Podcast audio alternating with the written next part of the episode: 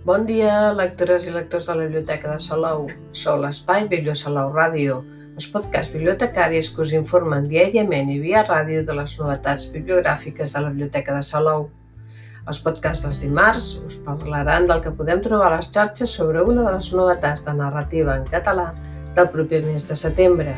I avui, 24 d'agost, us presentem la novel·la La mort blanca, de Ragnar Jonasson, editada l'octubre de 2020 per columna en la col·lecció clàssica, amb traducció al català d'Ester Roig, i l'edició en castellà publicada per Planeta amb traducció de Christian Olafsson i Alda Olafsson Álvarez.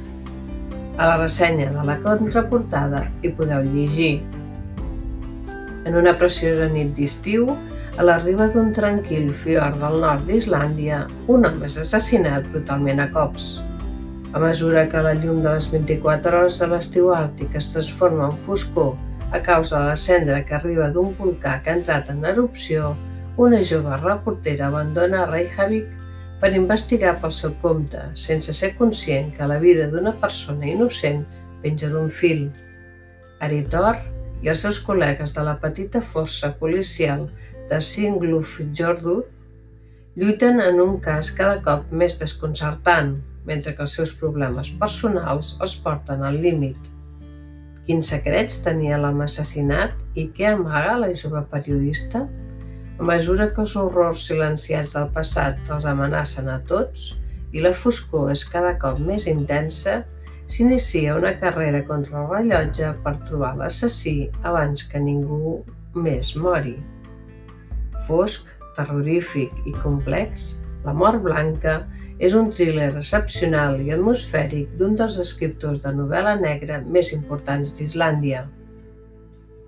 Aquesta setmana, doncs, continuem amb una altra novel·la policíaca ambientada, aquesta vegada a l'estiu nòrdic, de 24 hores, amb un sol tant de dia com de nit.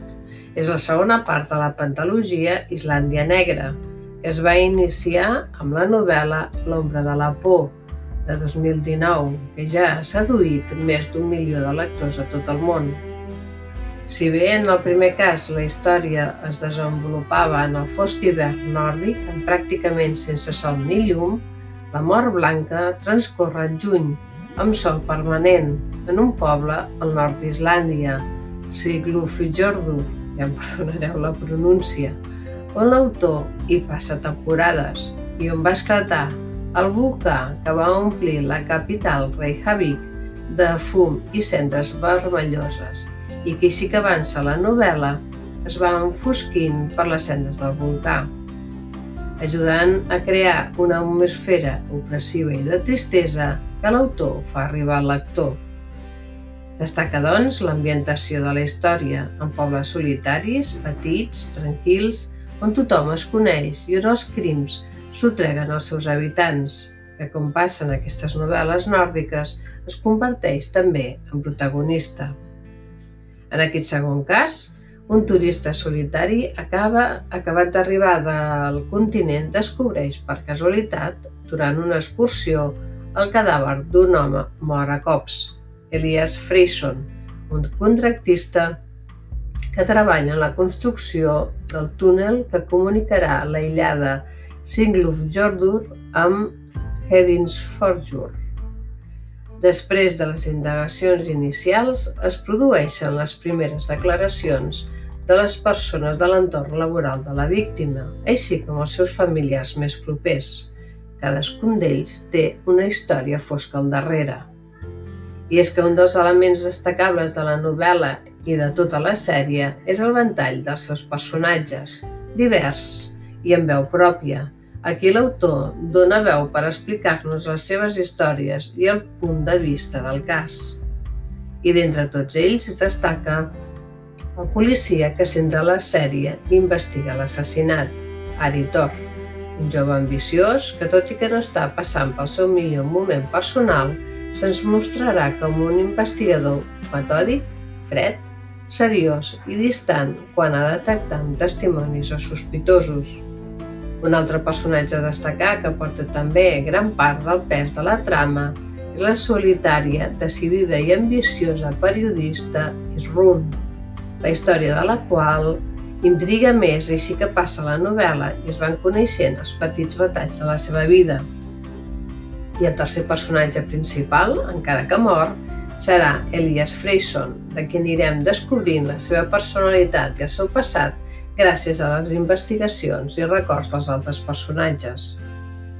Així doncs, malgrat que la trama principal és la resolució del cruel assassinat, l'autor crea altres trames amb les històries de cadascun dels personatges de la novel·la, alhora que hi afloren altres temes que l'autor denuncia, com l'abús físic, la violació, l'abús de poder o el tràfic de blanques.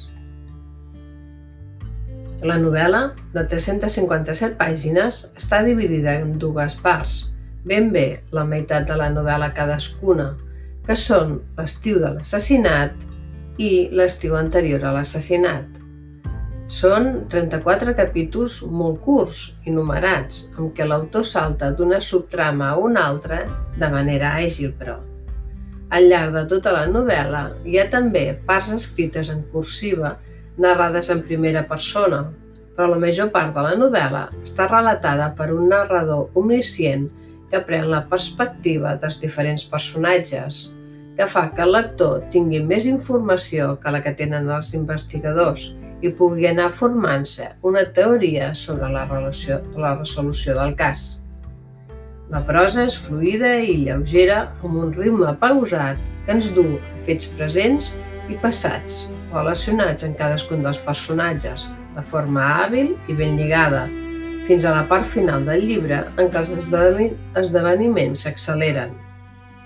Aquesta segona novel·la es podria llegir independentment de la primera, ja que l'autor et va posant en antecedents, però com passa en totes les sèries, és recomanable llegir-se la primera si es vol tenir una visió general del que serà la pentalogia. La primera entrega, L'ombra de la por, la podeu trobar també a la nostra biblioteca i en digital a lebiblio.cat i tota la sèrie també en castellà a la xarxa de biblioteques del Sistema de Lectura Pública de Catalunya. I què en sabem de l'autor? Amb aquest nom, que ens recorda la mitologia nòrdica Ragnar Jonasson, com diu la solapa interior de la coberta, és escriptor i advocat que amb 17 anys es va convertir en el traductor a l'islandès de les novel·les d'Agatha Christie. Ha treballat de periodista d'informatius a la televisió i a la ràdio públiques i imparteix cursos sobre drets d'autor a la Universitat de Reykjavik, a més de ser membre de la Crime Writer Association del Regne Unit i cofundador del Festival Internacional de Novel·la Negra d'Islàndia. La sèrie Islàndia Negra es publica a 30 països i compta ja amb més d'un milió de lectors. Les seves novel·les han rebut diverses distincions, entre les quals destaca el reconeixement a la millor sèrie de novel·la negra pels diaris The Independent, Sunday Express i Daily Express, a més del Did Good Reader Award, premi que designen i voten els propis lectors. Si el busqueu a les xarxes, Ragnar Jonasson té pàgina web en anglès, ragnarjonasson.com, també té Facebook, barra Ragnar Jonasson Writer, i té compte d'Instagram i Twitter també en anglès, arroba Ragnar J-O, Ragnar Jo. I fins aquí el podcast d'avui, però tenim més novetats de narrativa en català que anirem descobrint cada dimarts. Que tingueu molt bon dia i molt bones lectures que us acompanyin en el dia a dia.